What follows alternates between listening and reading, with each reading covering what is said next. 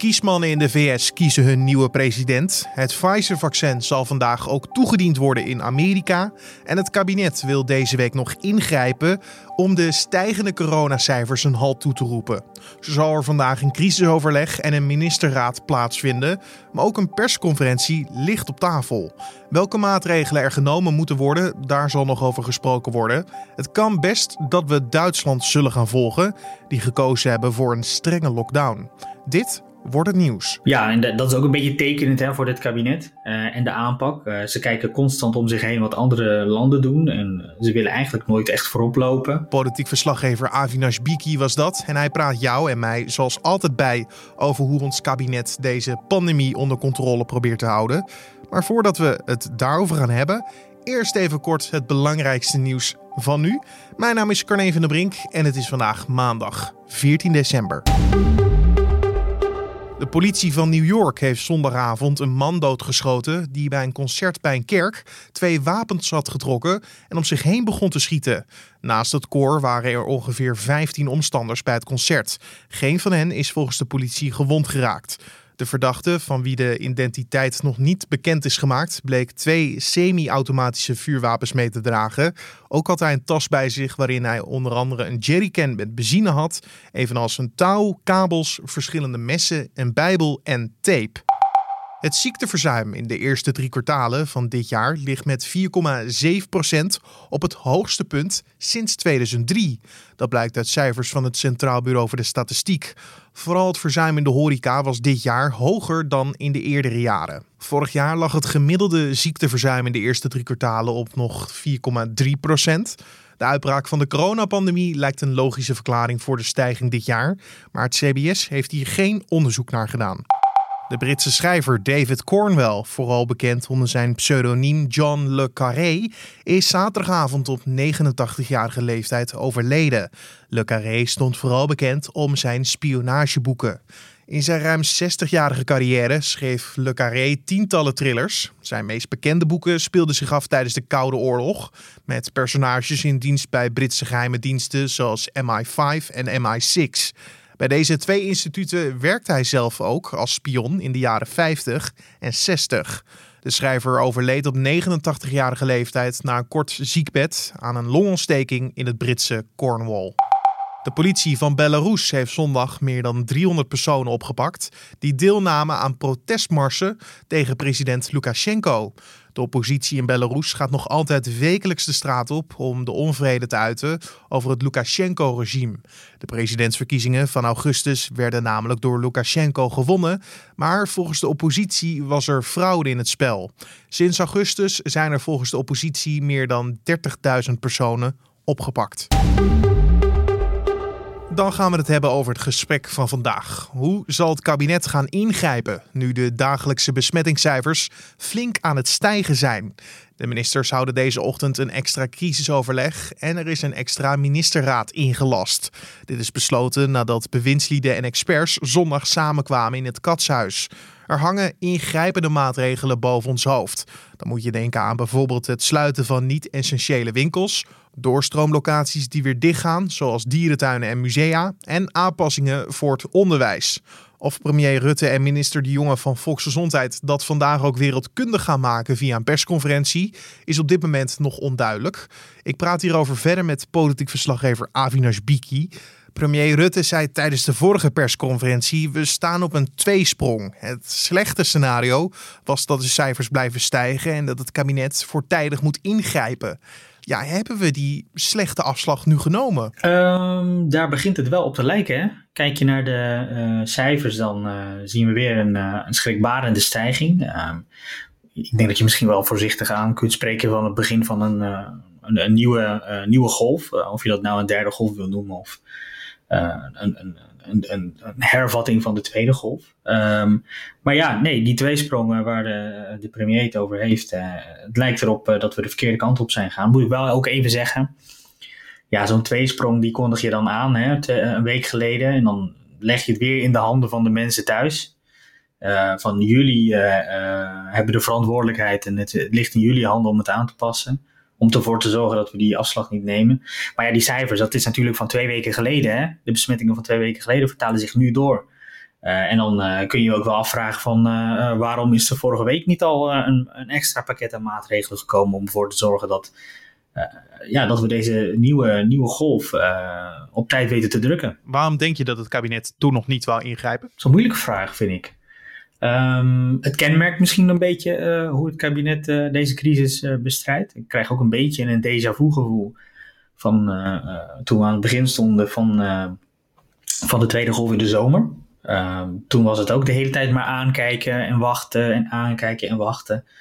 Um, en en weet je, er kwam een, een, een verzwaringspakket hè, bovenop de gedeeltelijke lockdown. Ik denk dat mensen inmiddels alweer kwijt zijn waar we precies in de routekaart staan en wat alles nou precies betekent.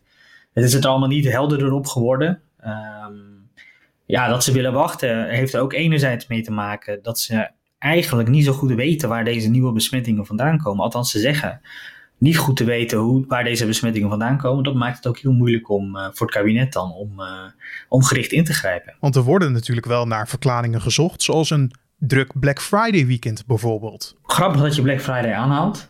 Um, daar werd ook uh, naar gevraagd bij de persconferentie vorige week.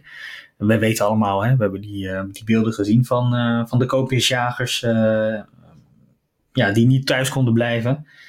En daarvan zei het kabinet vorige week nog dat ze niet echt direct willen spreken van een Black Friday effect.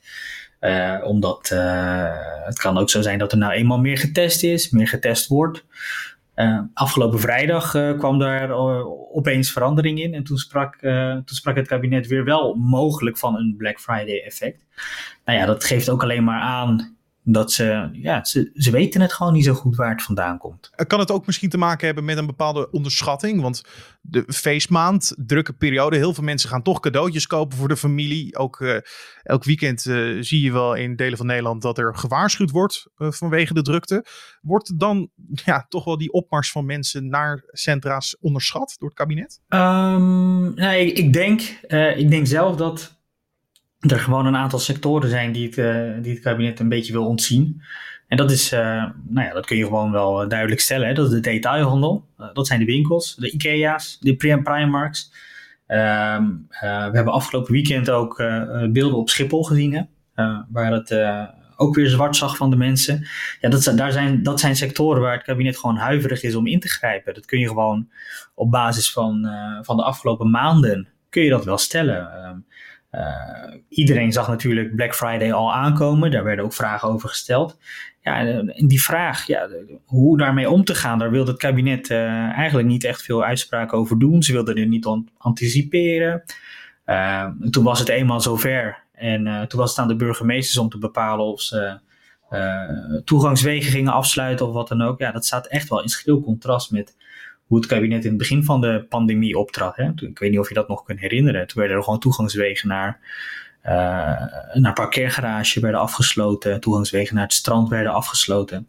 Ja, dat stadium zijn we een beetje voorbij. Althans, dat, dat stadium is het kabinet een beetje voorbij.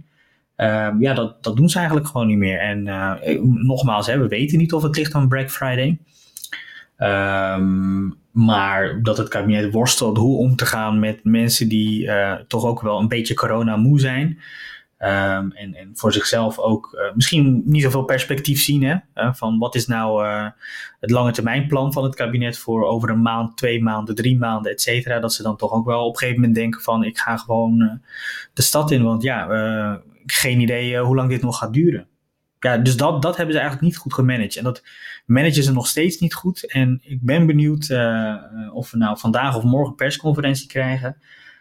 Het begint een beetje een grijs gedraaide plaat te worden. Maar toch, wat is dat perspectief nou? Hè? Wat is het langetermijnplan van het kabinet? Is dat nou echt dat we zo voort blijven sukkelen van lockdown naar lockdown? En dan komen er nu weer nieuwe maatregelen, een verzwaringspakket.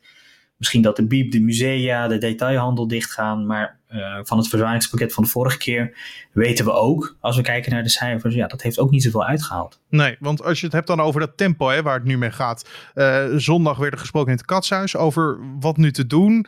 Naar aanleiding van de forse toename in de coronacijfers. Uh, er wordt dan nu een, een, crisisoverleg weer gepland. Een ministerraad, eventueel een persconferentie die eraan komt. Wat zegt dat tempo jou? is dat paniekvoetbal eventueel? Nou, ik denk niet dat we in die termen hoeven te spreken. Kijk, je, ziet gewoon dat er uh, besmettingen oplopen. Ehm, ja, dat, dat vraagt er gewoon om dat het kabinet nu wel snel handelt. Kijk, vorige week was eigenlijk alleen de aankondiging. Hè? Iedereen zag de cijfers stijgen en ook, ook zorgwekkend stijgen. En daar was eigenlijk het, het nieuws van, het gekke van die hele persconferentie. Dat de cijfers stijgen, maar we doen niets.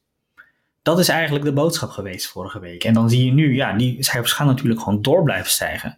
Nou ja, goed dat het kabinet dan weer opnieuw bij elkaar komt. Ik ben heel benieuwd naar wat voor uh, pakket aan maatregelen ze gaan nemen. Um, een van de, ja, toch wel een van de, een van de uh, maatregelen waar je aan kan denken is toch een verlenging van de kerstvakantie voor schoolkinderen. Um, daarvan weten we ook dat uh, premier Rutte dat niet zag zitten. Om wat voor reden dan ook.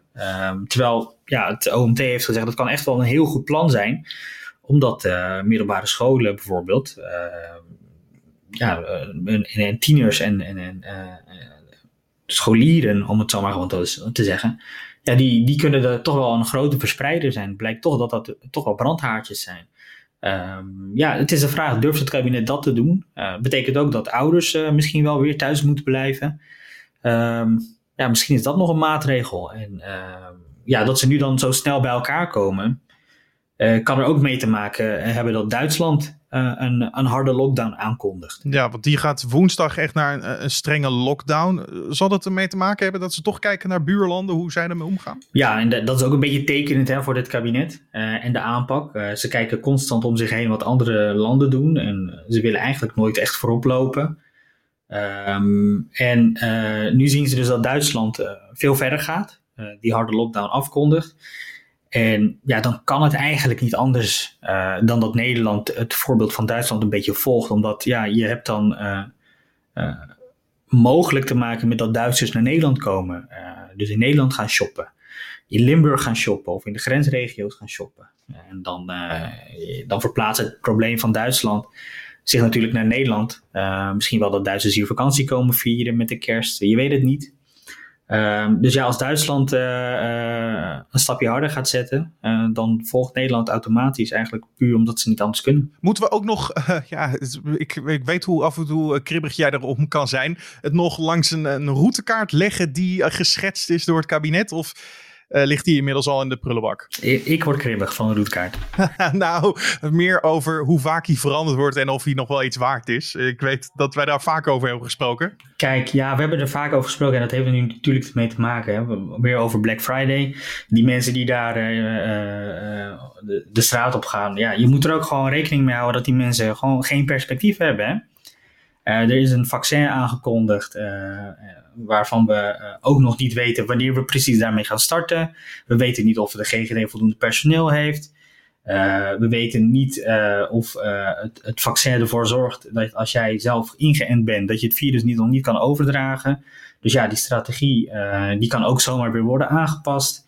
Um, het lijkt erop dat, zoals Jaap van Dissel dat zei, RVM-baas, dat het misschien wel tot half juli gaat duren dat we eh, in een gedeeltelijke lockdown uh, blijven zitten. Ja, en als dat perspectief is dat je maandenlang zulke restricties aan je persoonlijke leven moet opleggen, dan is het heel goed. Nou, heel goed. ik hou me gewoon keurig aan de regels. Maar dan kun je je voorstellen dat er mensen zijn die zich niet aan die regels willen houden. Ook als er geen routekaart is, geen perspectief. het, is, het is weer iedere week weer afwachten waar het kabinet mee komt. En um, dat terwijl uh, de Tweede Kamer natuurlijk had gevraagd van zorg er nou voor dat je met die voorspelbaarheid komt. Uh, dat mensen een beetje rust hebben ook in hun hoofd.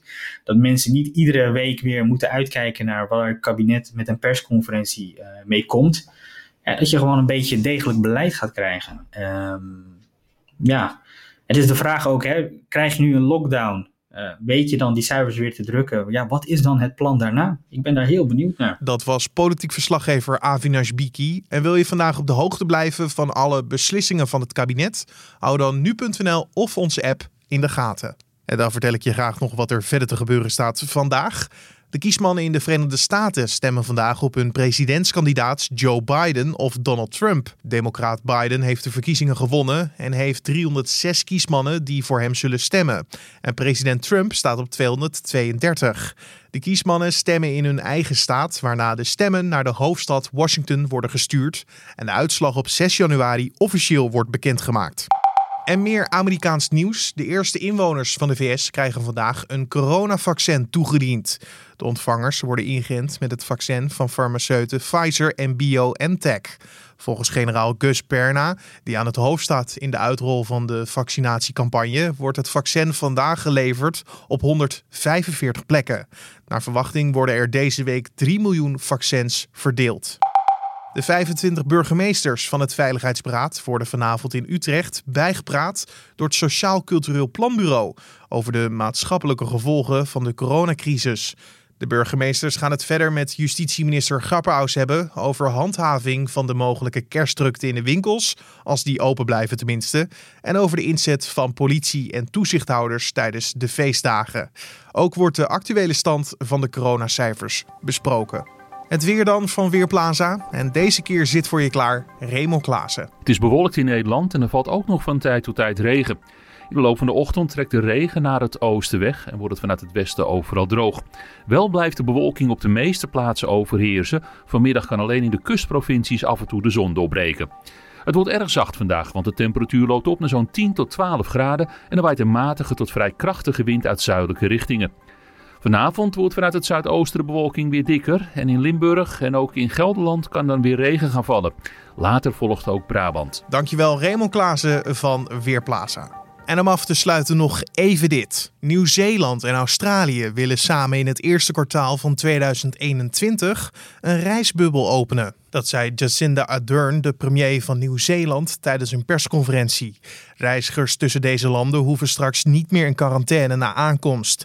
De landen willen onderling reizen makkelijker maken, terwijl voor reizigers uit andere landen strengere regels blijven gelden om de verspreiding van het coronavirus tegen te gaan.